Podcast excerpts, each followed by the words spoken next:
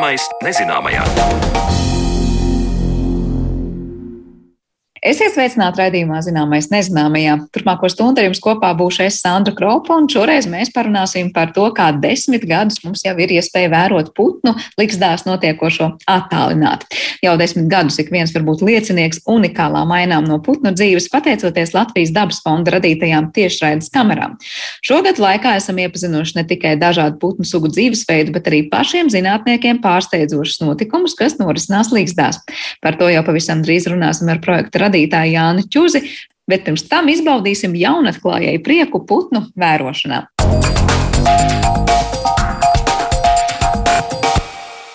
Lai konstatētu retumus, ir jāpazīst parastie putni. Tā saka putnu vērotājs Māris Jaunzems, kuru kontā ir divas jaunas putnu sugas, ko viņš ir atklājis Latvijā - Kaspijas kāju 2001. gadā un ūdeņu čipsti 2004.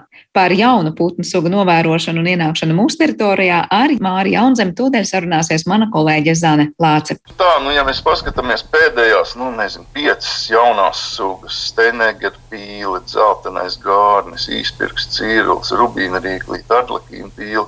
Tās visas viņas ir pēdējo piecu gadu laikā novērotas pa vienam novērojumam un visi bija retumi, ir retumi un vairāk nav bijuši. Nu, skaidrs, ka katra no viņām varbūt kādreiz tiks novērota vēlreiz, bet es īsti nesagaidu kaut kādu šo sugu uzplūdu. Tā atbildot uz jautājumu par jaunām putnu sugām Latvijā, teica Māris Jaunzemis, kurš ir ilgadīgs putnu vērotājs, un viņa novērojumu kontā ir divas jaunas putnu sugas Latvijā - akmeņu čipste un kaspijas kāja. Katru gadu Latvijā var novērot kādu jaunu putnu sugu.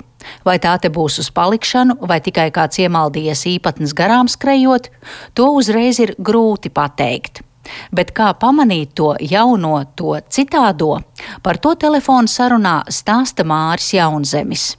Ja mēs skatāmies uz sarakstiem un par jaunu sugu nākšanu klāt, nu tad droši vien jāsaka, tā, ka pirmās kādas 200, nu nezinu, 250, 270, kā nu kuram sugas, ja runa ir par Latvijas sarakstiem. Tad pirmās nu, 250, 270 sugas var dabūt ļoti ātri. Tad, kad cilvēkam tā lieta sāk interesēt, viņš sāk iepazīt putnus, iepazīst aizvien vairāk un vairāk, un uz tā rēķina vien viņam nāk klāt šīs sugas. Nu, un pēc tam sākās meklēšana. Tev sarakstā nav kaut kas, un ja tu zini, ka tāda suga, piemēram, nu, balti ir, diemžēl es varu teikt, ka es viņu esmu nu, vai nu nokavējis, vai man nav paveicies. Nu, var jau būt, ka vēl viss ir tikai priekšā.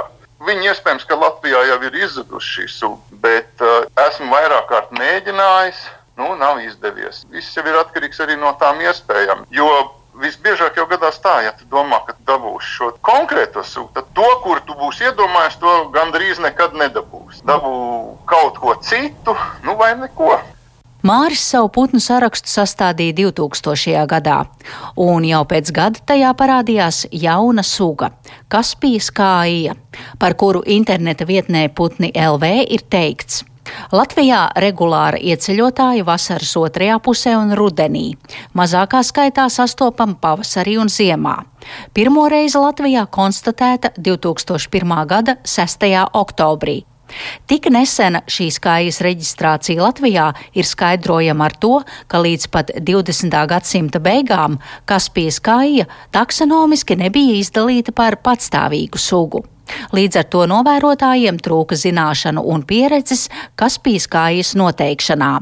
Iespējams arī, ka pēdējās desmitgadēs Kaspijas kāja ir sākusi ieceļot Baltijas jūras reģionā lielākā skaitā nekā iepriekš. Kaspijas kāja bija kā sudrabkājas pasu. Tur bija tāda neizpētīta situācija, maz publikācija, īsti nebija saprotams. Tad bija tas brīdis, kad viņas jau parādījās, šīs publikācijas, šie materiāli, pēc kuriem, pēc kuriem var noteikt šo sugu. Un tad mēs novērojam vienu, tad tuvākajos gados tur atkal pa kādai, pa kādai. Un šobrīd es teiktu tā, ja šodien mēs aizbrauktu uz, uz Getliņiem, visticamāk, ka mēs varētu kādu Kaspijas kāju atrast. Tā kā nu, tas vairs nav retums. Grūti pateikt, vai tas bija retums tajā 2001. gadā, bet tad nebija zināšana. tā varētu teikt. Un zināšanām pieaugot, protams, palielinās iespējas arī šīs sugas konstatēt. Un tiem, kas nodarbojās ar putnu vērošanu, nu tā aizrautīgāk, es domāju, tiem nav problēma. Ja mēs paņemtu Latvijā nu, kādus 20, 30 vadošos putnu novērotājus, nu tādus aktīvākos, tā varētu teikt. Pilnīgi noteikti pēdējos nezinu, piecus gadus katram no viņiem sarakstā būs, katru gadu būs kas bija skaita, ka tas nav vairs nekāds brīnums.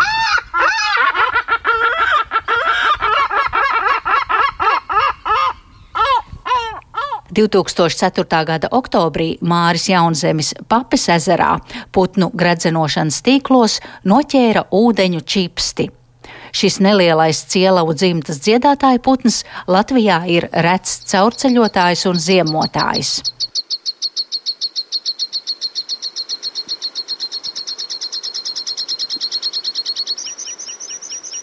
Nu, lūk, ja tajā brīdī tā bija pirmā pirmais novērojums jā, tāds Latvijā. Tad uh, uz šo brīdi ir jau 11 novērojami ūdeņčipstei. Varētu teikt, ka ir rasta sapratne, kur viņu meklēt, pat bez ķeršanas. Nu, tīri tā, ka jebkurš putnu vērotais nu, ar maz drusciņu tādu. Negluži iesācējs, bet kurš jau ar kādu brīdi ar to nodarbojās, kurš varētu saprast, kurš šo putnu varētu meklēt un arī ieraudzīt. Respektīvi, šie putni pie mums parādās uh, vēlā rudenī un faktiski ziemoja. Pavasarī viņi, protams, novērojami vairāk nav.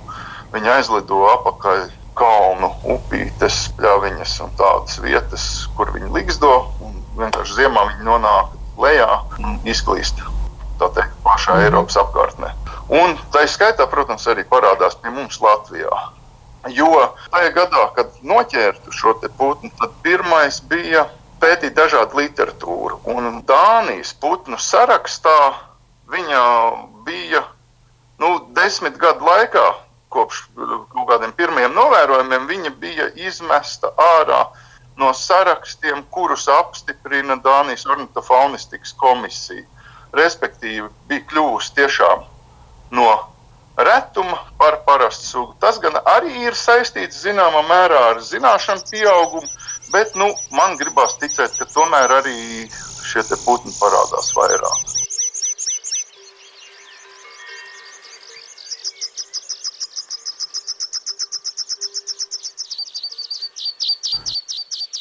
Turpinājumā Māris Jaunzemis stāsta par paņēmieniem, kā putnu vērotājs var noteikt, vai viņa redzeslokā ir nonācis kāds neparasts spārnainis. Lai konstatētu retumus, ir jāpazīst parastie putni. Un tad, kad tu ieraugi kaut ko, kas nav parastais putns, nevis parastais, bet tas, kas līdz šim ir Latvijā konstatēts, nu, tad tu ieraugi, ka tas ir kaut kas cits. Un vai nu tu zini, kas tas ir, ja tas ir uzkrītošs, nu, pēc pazīmēm viennozīmīgi, nu, jo, kā lai saka, tie, kas par to lietu interesējas, viņi jau zina apmēram, kādas ir putnu sugas, kā izskatās tās, kuras mums Latvijā nav konstatētas, bet dzīvo tuvākajā apkārtnē. Tad, ieraugot tādu, jā, Tādas mums nav, un tagad ir, re, kur viņi ir. Bet nu, par ienākšanu Latvijā, nu, kā lielākā tieši šīs sugas jau ir tādas, nu, teiksim, tā, maldu viesi. Viņi ieceļo vienu reizi gadā vai vienreiz piecos gados un neparedzami. Bet ienākušās sugas tādas, kas ir šodien, viņi ir pirmo reizi un ir retums, un tuvākajos 5, 10, 20 gados viņas ir pa pilnam un kļūst par parastu sugu. Nu, tā ir tāda ienākšana, kas ienāk mūsu ikdienas Latvijas faunā. Pie nesen novērotām jaunām sugām tiek minēta melnplecu klija, kuru 1. maijā Kolkā Ūšupļavā ir novērojuši Edgars Smislovs, Vladimirs Smislovs un Valds Jaunzemis, kurš ir Māra dēls. Prasu Mārim, kā viņš komentē plēsīgā putna parādīšanos mūsu teritorijā, zinot, ka Melnplecu klijas dzīves vieta parasti ir Āfrikas un Dienvidāzijas tropu apgabali un Dienvidē Eiropa. Tas ir viens no tādiem nu, kā to lai pasakā, tādiem nu, baltais eņģelis. Tā savulaik Andris Klepers teica, novērojot stepes līju, bet uh, šis ir tāds gaisīgs tēls, ko katrs varbūt tās gribētu redzēt skaists putns, bet tāds diezgan nereāls.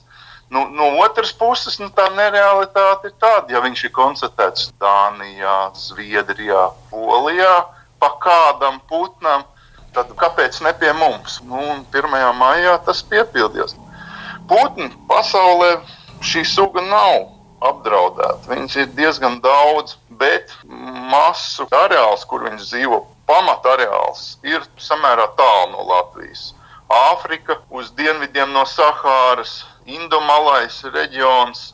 Un tad vēl ir tādas populācijas saliņas gar Nīlas ieleju līdz pat vidusjūrai Eģiptē. Jā.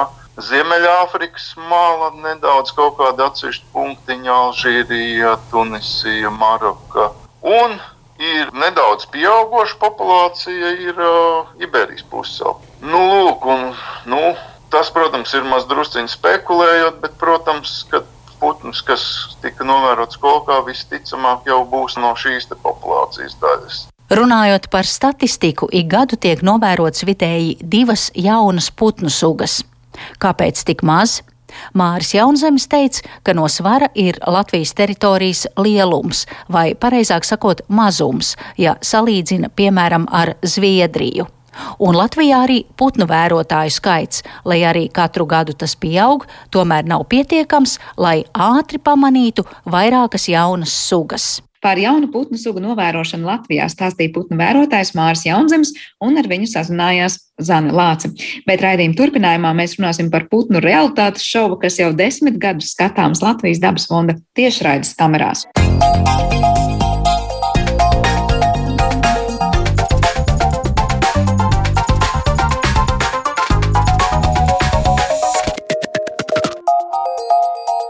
Zināmais nezināmajā. Latvijas dabas fonda uzstādītās putnu tiešsaistes kameras nu jau zina ik viens Latvijas iedzīvotājs, kuru aizrauja dabā notiekošais. Interesi par šīm kamerām nu jau pauž arī skatītāji daudz vietu citur pasaulē, un savos pirmajos desmit gados ir iegūta ne tikai sabiedrības uzmanība un interese, bet arī daudz vērtīga pašiem ornitologiem. Par to arī šodien vairāk sarunā ar Latvijas dabas fonda pārstāvu ornitologu un tiešražu kameru projekta vadītāju un radītāju Jānu Čūzu. Mēs runāsim atlikušajā raidījumā raidījuma pusstundā. Sveiks, Jāni! Labdien! Nu, es jums laikam apsveicu ar to, ka putnu tiešsaistes kameras eh, tiešām jau desmito gadu vai desmito sezonu, tas šajā gadījumā būs viens un tas pats laikam attiecībā par to, kura sezona skaitās eh, gadā, kad mēs izvietojam šīs kameras. Tev pašam ir sajūta, ka tas ir tāds nu, pusceļš kaut kāds, vai ceļa sākums noiets, vai nu, jau tāds pamatīgs posms, uz kurā paskatīties un atskatīties.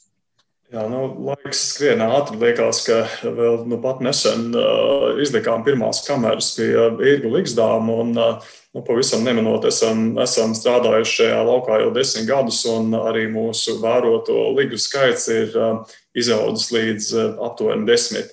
Šis ir jubilejas gads, bet tas ir bijis ļoti interesants dažādos griezumos. Uh, mums ir uh, arī ļoti sekmīgs gads tā ziņā, ka no deviņām putnu likstām, ko mēs šobrīd vērojam tiešsaistē, astoņās likstās ir tikušas izdātas solis, un nu, viena likstošanas sezona gan ir jau beigusies, un mums labi zināmā durvis liksta ir beigusies ar apāstiem cāļiem, un visticamākais neskaidru nākotni, iespējams teritoriju pārdalīšanu un iespējams arī jauniem saimniekiem nākotnē.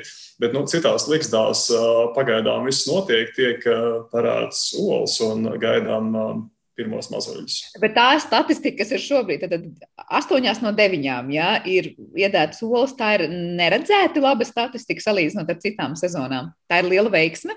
Jā, jā. Jā, tā ir, tā ir liela veiksme, jo, kā jau es esmu to šādi teicis, tiešsaistes kameru uzstādīšana ir, ir loterija. Uh, Proti, var gadīties, ka pēc mūsu labākajām zināšanām mēs izvēlamies līgas, pie kurām tās kameras tiek izvietotas, bet var gadīties, ka tajā līgzdā nekas nenotiek. Viņi pat nav apdzīvoti, un tam var nebūt nekādu sakaru ar to, vai tā kamera tur ir vai nav. Bet šogad viss ir gājis kā pa diedziņu, un mēs bijām par matu tiesu no tālāk arī atlikušajā vienā ligzdā, proti, Slīteres Nacionālajā parkā esošajā jūrasēju ligzdā, lai arī tur tiktu iedāta ola. Bet ola netika iedāta, ligzda gan ir apdzīvota, bet neproduktīva. Proti, pieaugušie putni viņu regulāri apmeklē, joprojām arī, arī uztur, bet nu, olas tur šogad pavisam noteikti vairs nebūs. Eh, bet eh, tu saki loteriju, un tomēr izvēloties šīs līgstas vai skatoties, nu, kur tās kameras liksim, eh, jūs tomēr nu, vadāties pēc tā, kur ir lielākā varbūtība, vai tie apstākļi ir atbilstoši, vai nu, ir kaut kas, kas var laikus pateikt priekšā, šeit iespējams būs veiksmīgāk, un šeit nebūs veiksmīga tā līgstošana. Jā, jā, protams, mēs šim jautājumam pieejam ļoti rūpīgi, jo, jo kameru sistēmu uzstādīšana ir uh, liels darbs. Tas prasa daudz investīciju, gan tīri finansiālā ziņā vajadzīgi aprīkojumā, gan arī tas prasa smagu fizisku darbu. Tāpēc, protams, mēs neesam ieinteresēti šo darbu veikt pie zemām izredzēm, ka mēs šajā līgzdā pēc tam kaut ko varēsim vērot. Un mēs cenšamies ņemt vērā to, kas šajā līgzdā ir noticis iepriekšējā sezonā, jo, ja iepriekšējā gadā tur bijusi sekmīga līgzdošana, tad ir pamats uzskatīt, ka šogad uh, iespēja, ka uh, arī uh, līgzdošana tiks uzsākta, būs augstāka. Un, nu, šogad mums arī šai ziņā ir, ir, ir paveicies, kā jau es teicu, astoņās no šīm deviņām līgzdām ir, ir tikušas izdātas solis. Bet uh, mums ir situācijas, kad mēs esam bijuši par mata tiesu no tā, lai uh, uzliktu sistēmu pie nepareizas līgas. Proti, iepriekšējā gadā tur viss ir noticis, putni ir sekmīgi līgzdojuši. Un tā kā mēs sākam būvēt uh, ziemā uh, kameras sistēmu, izrādās, ka putni ir, ir sākuši būvēt jaunu līgstu kaut kur citur. Un, nu, ja mēs to sistēmu būtu pabeiguši tajā sākotnēji iecerētajā vietā, tad mēs visu gadu būtu skatījušies vienkārši uz, uz tukšu neapdzīvotu līgstu. Jā, tas nebūtu, protams, tas veiksmīgākais gadījums, ja mēs mums sekot līdz līgzdā notiekošiem. Cik es saprotu, par šiem gadiem ir iekrājies gana daudz interesantu epizodu, kurām varējām sekot līdzi. Bet tas, ka olas ir izdētas, tas, protams, ir labi un tas ir veiksmes stāsts, bet tas jau vēl nenozīmē, vai ne, ka tur izšķilsies veiksmīgi cāļi un izaugs mazuļi un viss notiks. Jo dabā neko nevar zināt, vai ne? Tur var būt gan dažādi plēsēji ietekmi, gan varbūt kaut kādi citi vēl faktori, kas patraucēs veiksmīgam līgzdošanas eh, sezonai. Protams, jā. mums ir jāsaprot, ka um, dabā um, jebkurai putnu populācijai daļa no uh, līgzdošanas gadījumiem būs, uh, būs nesekmīga. Un pagājušajā gadā, piemēram, jūras ēgļiem Latvijā aptuveni viena trešā daļa no visām apdzīvotajām līgzdām bija neproduktīvas, proti, tādas, kurās jauno putnu nebija. Un nu, arī visām pārējām putnu sugām, ko mēs vērojam, viena daļa no līgzdām ir neproduktīvas. Un, protams, ka tas iemeslu spektrs tam visam apakšā ir ļoti plašs, sākot ar um, plēsējiem. Un, uh, Plēsēju uh, ietekmi mēs ļoti labi redzējām, piemēram, pagājušajā gadā, kad uh, zivīgi līgzdāms vienīgo jauno putnu aiznesa vistavanags. Un, nu, tādus gadījumus zivīgi ligzdā mēs esam piedzīvojuši arī iepriekš. Mums vairākus gadus atpakaļ, kad mēs skatījāmies līgus, kas atradās vidzemes pusē, arī viens no mazuļiem krita par upuri vistu vanagam. Savukārt šajā pašā ligzdā, ko mēs vērojam šobrīd, mums vienu citu gadu vienu no jaunuļiem ir aiznesis jūras ēglis. Un mēs esam redzējuši to, kā jūras zīves saimnieko arī pa melno, melnā stāķa līgas un, un, un tam līdzīgi. Tātad plēsē ir, ir pilnīgi normāls, dabisks faktors, ar ko jārēķinās, bet um, tur tas iemeslu spektrs ir plašs, kā es teicu. Varbūt traucējums, piemēram, cilvēki neliekā paiet apakšās un līgas, notriec putu no, no līgas nost, un šajā probotas laikā, piemēram, olas var, var iziest plēsēji. Varbūt arī ļoti dažādi citi iemesli. Viens no putniem, piemēram, ir bojā, kā šogad Durvis līgzdā atlikušais pieaugušais putns šo, šo līgzdu nespēja novest līdz sekmīgam iznākumam. Tā kā putnu dzīvē notikumi tiešām ļoti, ļoti dažādi. Mūsu cilvēku ziņā ir maz rūpēties par to, lai mēs mazinātu tos viņu stresa faktorus, pareizi uzvedoties to līgstu tuvumā. Un, kā tu tikko teici, ja pat atliek tikai aiziet zem tās līgstas, varbūt un izbiedēt putnus, lai tā līgstošanas sezona konkrētajiem pārim būtu neveiksmīga. Bet runājot vēl par to, Ko ir izdevies par šiem gadiem redzēt, interesanti šajās līgzdās? Es droši vien varētu katram intensīvākajam putnu kameru vērotājiem prasīt, un tur katram būtu savu notikumu izlase. Kas būtu tā tavējā? Nu, kur ir tie notikumi vai lietas, kuras pirmkārt tevis ļoti varbūt saviņoja un iepriecināja, pārsteidza, ko tu redzēji, un varbūt kaut kādas atkal ir tās nu, rūgtākās pieredzes pa visiem šiem gadiem?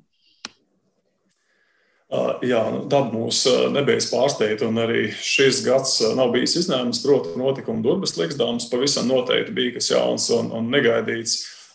Jo tas, ka uzvedās šis jaunais tēviņš un tomēr mēģināja iesaistīties liksdošanas turpināšanā situācijā, kad iepriekšējais līgas saimnieks bija pazudis, tas bija, tas bija negaidīti.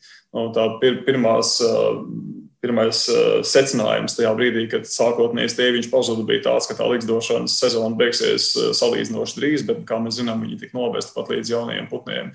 Mums ir bijusi ļoti interesanta pieredze iepriekš ar, ar, ar citiem gadījumiem, piemēram, vienā no melnostāļu likstām, ko mēs skatījāmies iepriekšējos gados, kas atradās citā Latvijas reģionā, bija ļoti skaista līgas Ozolā. Mēs redzējām to, kā Ligzdu mēģina postīt jūras iegas, to es pieminēju jau iepriekš, un tā arī bija tāda neredzēta jauna situācija. Mēs zinām to, ka jūras iegas melnostāķu Ligzdās mēdz izēst jaunos putnus. Tādi gadījumi ir, ir ļoti labi dokumentēti. Tiesa ne mūsu tiešsaistes kamerās, bet citos pētījumos, kuros tiek izmantot tā saucamie fotostāsti. Bet tas, ka jūras iegas mēģinātu postīt, izēst ligzdu tajā stadijā, kad tur iekšā ir olas, tas bija, tas bija jaunums. Nu, un, protams, ļoti interesants ir bijis arī, arī gads, kad mūsu jūras ieeja līgsta ir bijusi formāli neapdzīvota. Nu, šī kamera ļoti labi parādīja to, cik asi var notikt šī teritorija dalīšana, cik ļoti daudz putnu var šādai it kā neapdzīvotai līgstā iet cauri. Un, tas viss turpinās līdz brīdim, kad līgstā nostabilizējas jauns pāris, kas tad vēlāk arī uzsāk līgstošanu. To visu mēs esam redzējuši savām acīm.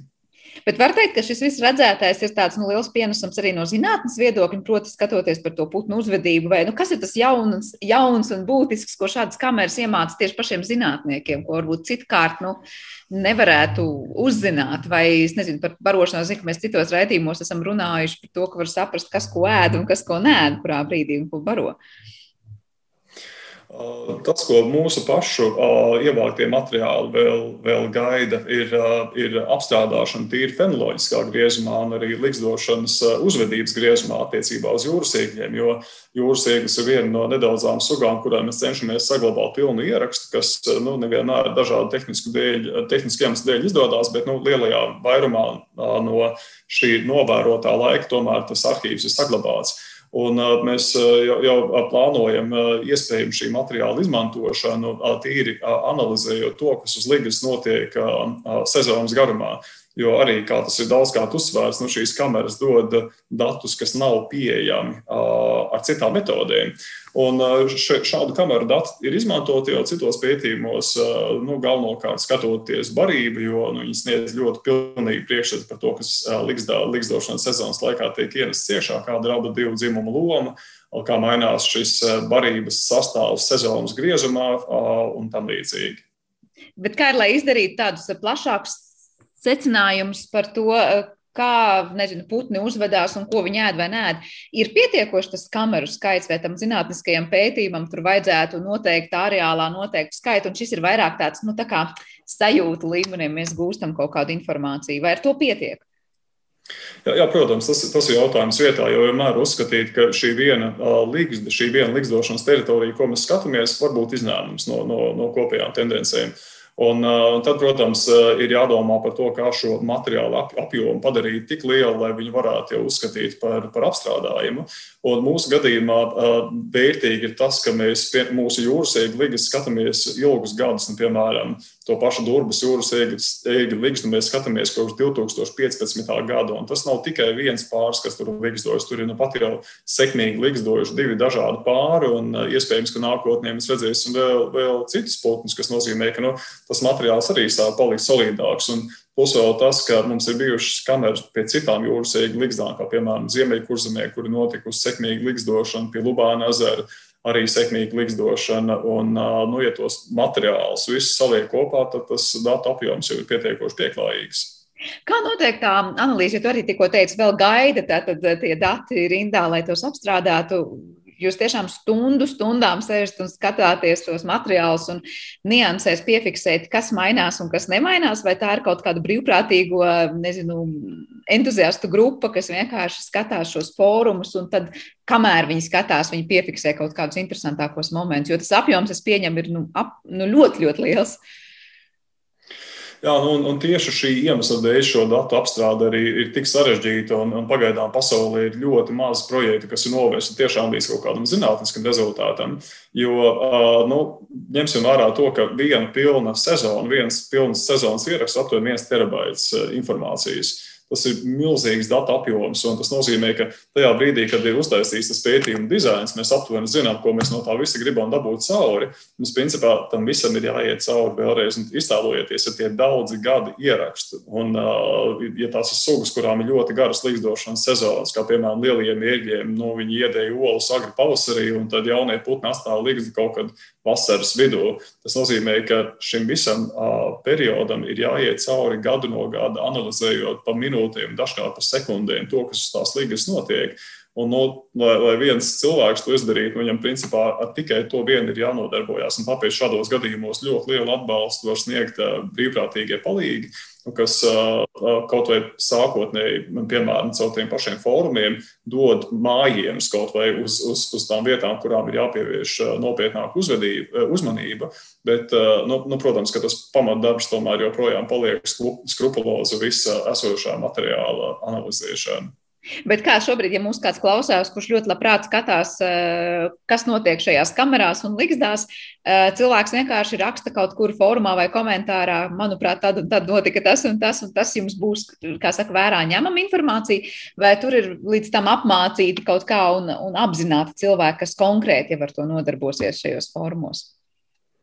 Nu, es, es, es pēc šāda lieta gribētu izturēties uzmanīgi, jo pirmkārt jāņem vērā tas, ka fóruma materiāli mums ir ļoti noderīgi tādā ziņā, ka viņi sniedz diezgan labu ieskatu par to, kas Ligsdā notiek. Un šobrīd arī, ja man ir jāpaceļ augšā norises kādā noteiktā periodā, noteiktā gadā, pirmais, ko es izdarīšu, es paskatīšos formā.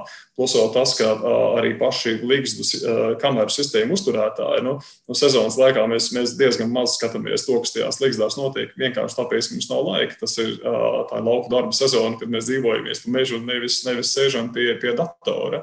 Līdz ar to fóruma materiāli ir ļoti vērtīgi, bet tajā pašā laikā, nu, ja mēs tiešām domājam par nopietnu pētījumu dizainu, nu, tad tam visam ir jāpieiet no cita rakursa, citos griezumos. Un, Un tad, principā, tas vairumā gadījumā nozīmēs to, ka tas darbs būs jādara pilnīgi no nulles. Eh, bet var mākslīgais intelekts kaut kādā, nezinu, tālu sapņojot, var palīdzēt kaut kā, es nezinu, ar kaut kādām attēlu atpazīšanas metodēm, laikus saprast, atlasīt, varbūt to apjomu, kur ir vērts skatīties, kur nav vērts skatīties, vai neviena tehnoloģija nenāks tuvākā laikā tālāk, lai šo darbu apjomu samazinātu. Nē, nē, pavisam noteikti tehnoloģija šo darbu palīdzēs veikt. Jo, nu, piemēram, atkal iztēlosimies situāciju, ja mēs mēģinām noskaidrot, kas notiek uz neapdzīvotas līgas um, laikā, kad tur uh, tiek dalīta teritorija. Protams, vajadzētu zināt visus periodus, kad uh, līgzdā parādās uh, noteiktas sugas putni.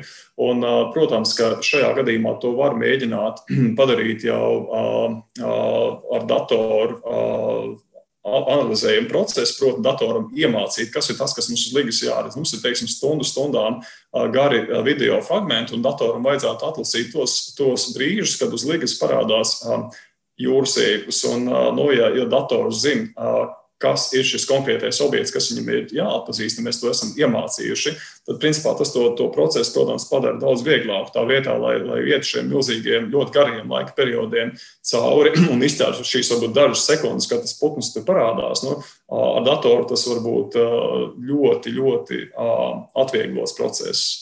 Jā, tā kā nu, lūkosim, kā tālāk attīstīsies notikumi un kā iespējams mākslīgais intelekts palīdzēs saprast arī to, kas ir šajos datos atrodams, jo apjoms tiešām ir liels. Un, saka, nu, tas ir tie momenti, kas ir notvērti dabā, kas citādi pavisam noteikti būtu gājuši garām nenotvērti. Bet, ja mēs runājam par citu valstu pieredzi, es saprotu, ka pēdējā laikā šīs kameras arvien lielāku interesi ir raisījuši arī cilvēkos ārpus Latvijas robežām. Pavisam nesen, laikam, tev pašam bija saruna arī ar Lielbritānijā, kā saka, zinātnes popularizētājiem un dabas popularizētājiem popularizētājiem, kuriem bija, es saprotu, diezgan nu, nezinu, liels pārsteigums par to, kā tas notiek pie mums, vai kāda ir tā interese no citu valstu cilvēkiem par šīm kamerām? Um, interese ir liela. Uh, ja mēs nedomājam uh, vienkārši cilvēks, kurš šīs kameras skatās, bet uh, tos, kuriem šī interese ir padziļināta un kas uh, mūs arī uzrunā, dažādiem iemesliem. Nu, parastākais iemesls ir cilvēki prasa, kā mēs to esam dabūjuši gatavu, un tad mēs uh, nu, pat parasti tā saziņa izvēršas diezgan, diezgan garā sarakstē, par dažādām tehniskām niansēm. Un, nu, pēdējā saraksts, kas man bija vēl salīdzinoši nesen ar, ar cilvēkiem no Ukrainas, kas arī domāja par iespēju izvietot kameras pie pie jūras ēgu likstām. Bet, nu, ja mēs saskaitītu kopā visas valstis, no kurām mēs šāda veida lūgumus esam saņēmuši, es domāju, ka tas saraksts būtu virs, virs desmit. Tātad tā interese ir, ir tiešām liela. Un plus vēl nu, mēs redzam to, ka šīs kameras tiek ļoti augsts novērtētas, kas, protams, mums pašiem ir, ir nu, kas mums sagādā prieku un, un dod tādu gandarījumu arī šīs pēdējās sarunas laikā ar Kristu Pekam, kas ir viena no Lielbritānijā zināmām tādām dabas aizsardzības televīzijas sejām, ja tā var izteikties. Nu, mēs dzirdējām ļoti augstu novērtējumu mūsu kameru projektam, un tas tiešām deva lielu gandarījumu. Bet citās valstīs šāda vispār praksa nav piekopta, vai tas nenotiek tik lielā mērā, vai tas tiešām ir kaut kas pilnīgi unikāls Latvijai, ka šādas kameras tiek pieliktas pie putnu līdzdām? Nē, nē, tas, protams, nav unikāls. Tas notiek arī, arī citās valstīs, bet uh, Latvijā mēs varbūt esam īpaši ar to, ka mums ir um, salīdzinoši garš līgu saraksts, ko mēs skatāmies, un mēs šo pārēdi varam nodrošināt uh, salīdzinoši ļoti labā tehniskajā kvalitātē. Mēs to darām jau, jau ilgu laiku. Un, ja mēs internetā pameklējam tiešsaistes kameru katalogus, tādi ir atrodami. Proti, nu, ir, ir apkopot informāciju par sugām, pie kurām ir uzstādītas tiešsaistes kameras. Un, ja mēs šiem katalogiem paējam cauri, tad mēs redzam, ka Latvija tur ir iespējams. Um, nu, biežāk pieminētā valsts pie veselas virknes ar, ar sugām. Un, Ja mēs domājam tīri, tīri attiecībā pret iedzīvotāju skaitu, tad iespējams mēs esam viens no nozīmīgākajiem šādu kameru izvietotājiem, salīdzinot ar lielajām valstīm. Jā, ja mēs skaitītu laikam uz iedzīvotāju skaitu, tad Latvijā esam gan aktīvi putnu kameru vērotāji, pavisam noteikti. Bet kā tu pats skaidro to milzīgo nu, cilvēku interesi un tādu pat emocionālu sekošanu līdz tam, kas notiek līgzdās? Tas ir putnu dēļ, tāpēc, ka putni aizrauja, vai ja mums tāda pati kamera būtu pie jebkuras alasa vai vēl kaut kur, mēs tieši tāpat sekot līdz arī citu dzīvnieku aktivitātēm. Vai kā tu skaidro šo fenomenu? Nu, Pirmkārt, ir jāsāk ar to, ka putni ir, ir ļoti uh, īpaši dzīvnieki. Un, uh, ne jau velti uh, nevalstiskās organizācijas, kas apvieno sevi uh, putnu draugus, uh, putnu uh, vērošanas entuziastus, tās parasti ir, ir starp lielākajām un nozīmīgākajām nevalstiskajām organizācijām gan izvēlē jebkurā valstī. Uh, Mēs zinām, to, ka, piemēram, Lielbritānijā RSPB ir, ir, ir milzīgs uh, spēlētājs uh, ar, ar ļoti lielu arī politisku ieteikumu, un tas ir viens no lielākajiem zemes īpašniekiem Lielbritānijā. Un, uh, cilvēkiem putni patīk, tāpēc, ka putni ir, ir viegli redzami, putni ir skaisti, putni skaisti dzied. Uh, un uh, putnu suga arī nav tik daudz, lai, lai cilvēki nevarētu iemācīties viņus salīdzinoši labi uh, atpazīt. Un šī iemesla dēļ šīs kameras, kas ir izlīdz pie putnu likstām, tomēr nu, ir starp populārākajām. Tas ir, tas ir nu, objektīvi. Bet tas, protams, nenozīmē, ka kameras tiek liktas tikai pie putnu likstām. Mēs zinām, ka arī tepat mūsu kolēģi, kaimiņi, Igauni, ar kuriem mums ir ļoti laba sadarbība un ar, no kuriem esam sākotnēji daudz mācījušies šo kameru sistēmu būvēšanā, viņi likuši kameras arī pie, pie zīdītāju dzīvnieku alu sistēmām pie zīdītāju dzīvnieku barotavām. Tātad tas, tas ir iespējams. Viņam, starp citu, bija kamera arī uh, mazas saliņas liedigā, kur krastā nāk, nāk roņi. Bet, nu, cik es atceros, tās kameras tomēr nekad nav bijušas tik populāras kā tās kameras, kas ir izliktas pie putnu likstām. Arī šobrīd mēs to, to redzam. Piemēram, šogad mūsu durvis līgas tajā pašā karstākajā brīdī, kad notika tie, tie, tie, tie lielie notikumi. Nu, viņi vienbrīd skatījās pat 3000 cilvēku vienlaikus tajā brīdī, kad uh, Durbēja tas rezultāts uh, bija tāds, kāds viņš bija, tā, tad tā liksdošanas sezona beidzās, tad ir pamats uzskatīt, ka viena daļa no skatītājiem pārvācās uz, uz Igaunijas jūras eigu likstu, kur savukārt uh, notiek sekmīga liksdošana. Jā, bet interesanti, jūs paši esat izvietojuši arī zem ūdens kameru. Nu, protams, zem ūdens skatīties un putnu likstā skatīties, tur ir divas dažādas lietas, dažādas dzīvotnes, ko tu redzēt un kuros brīžos redzēt, bet tomēr nu, tie mēģinājumi arī Latvijā mums ir vērot ne tikai līgstas un ne tikai šādas dzīvotnes? Jā, jā mēs uh, esam izvietojuši kameru arī zem ūdens, līgatnē pie, pie aizsprosta. Uh, nu, uh, tiesa gan tur mēs šīs kameras tādu īstu atdevu vēl tikai gaidām. Cerams, ka mēs to piedzīvosim uh, rudenī, lašveidīgo zivju nārstu laikā. Pirms tam kamera divas sezonas atradās Raķupē, upes nēģi nārstu vietā. Uh, un, uh, nu, uzreiz jāsaka, protams, tas ir pavisam savādāk. Pirmkārt, tehniski tas ir ļoti sarežģīti, tāpēc, ka Uh, ir brīži, kad uh, nu, mēs vienkārši nevaram nodrošināt labas kvalitātes bildi, tāpēc ūdens ir duļķēns. Uznāk lietās, ūdens līmenis upē paceļās un, un uh, redzamība strauji nokrītās. Un, uh, tas nozīmē, ka varbūt tajā brīdī, kad upē beidzot notiek tas, ko mēs gribētu redzēt, piemēram, tur tiešām tie, tie nīģi sāk nāstot, ūdens ir, ir tā kā kafija un, un attiecīgi tās kameras atdeve ir, ir, ir diezgan maza. Uh, Uh, nu, mēs redzēsim, citu par, šo, par šo kameru runājot, uh, ir ļoti labi precedenti bijuši uh, citās valstīs. Respektīvi, mēs arī to sākotnējo ideju aizguvām no mūsu kolēģiem, Igauniem, kuriem bija skaista kamera zem ūdens pie, pie strautu forelēm. Bet Nu, tur ūdens bija vienkārši kristāli dziļš. Protams, tur iespējas baudīt to zemūdens pasauli bija pavisam citas nekā mūsu tomēr salīdzinoši doķēnajos un tumšajos ūdeņos. Jā, un tās tādas dabas lietas, ko mēs nevaram izmainīt, kāds tas ūdens tajā brīdī tur ir tāds ir, bet kā ir no tehniskā viedokļa izvietot šīs kameras augstu kokos, putnu ligzdās ir tehniski un vispār darbietilpīgi grūtāk, sarežģītāk nekā zem ūdens. Vai tā putnu ligtu kameru aprīkošana jau arī nav tik vienkārša? Nu, kat, katrai no šīm, no šīm kameru grupām teiktu, tā ir sava specifika. No, par zemūdens kamerām runājot, viss ir vienkāršāk tādā ziņā, ka tur mums nav īpaši jāuzmanās par, par traucējumu. Nu, protams, ir vēlams arī neizbradāt to vietu, kur mēs to kameru liekam iekšā, bet tas tomēr ir pasākums, kas notiek salīdzinoši komfortabli stāvot uz cietas zemes dienas laikā. Un, uh, Nu, tur nav jānodarbojas ar, ar žongliešanu, koku galotnē 30 metru augstumā, pie tam strādājot naktī un, un, un ziemā, kā mēs to šādi mēdzam darīt pie putnu dīkstām.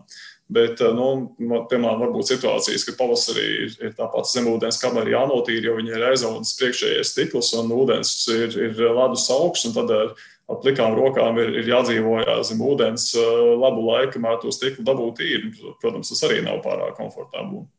Jā, katrai vidē ir savi izaicinājumi, bet varbūt var nedaudz pastāstīt, lai gan mēs esam to rādījuši un stāstījuši atsevišķos raidījumos par šo kameru vispār uzstādīšanas procesu.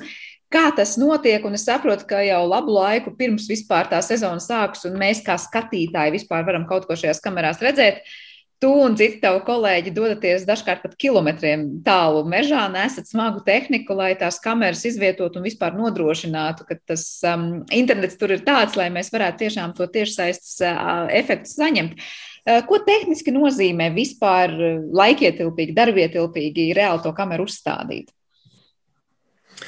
Uh, atkal jāsaka, cik kamēr tikai gadījumi, jo ir bijuši uh, ērti kad mēs aizbraucam un vienas pilnas dienas laikā uzbūvējam sistēmu no nulles. Ir, mēs esam plašākā pulciņā ar palīgiem, kas palīdz to visu sanest iekšā, pēc tam iztaigīt pa mežu tās kabeļu līnijas, kā vajadzīgos kokos likt augšā saules paneļus, kameras, rūters un tā tālāk.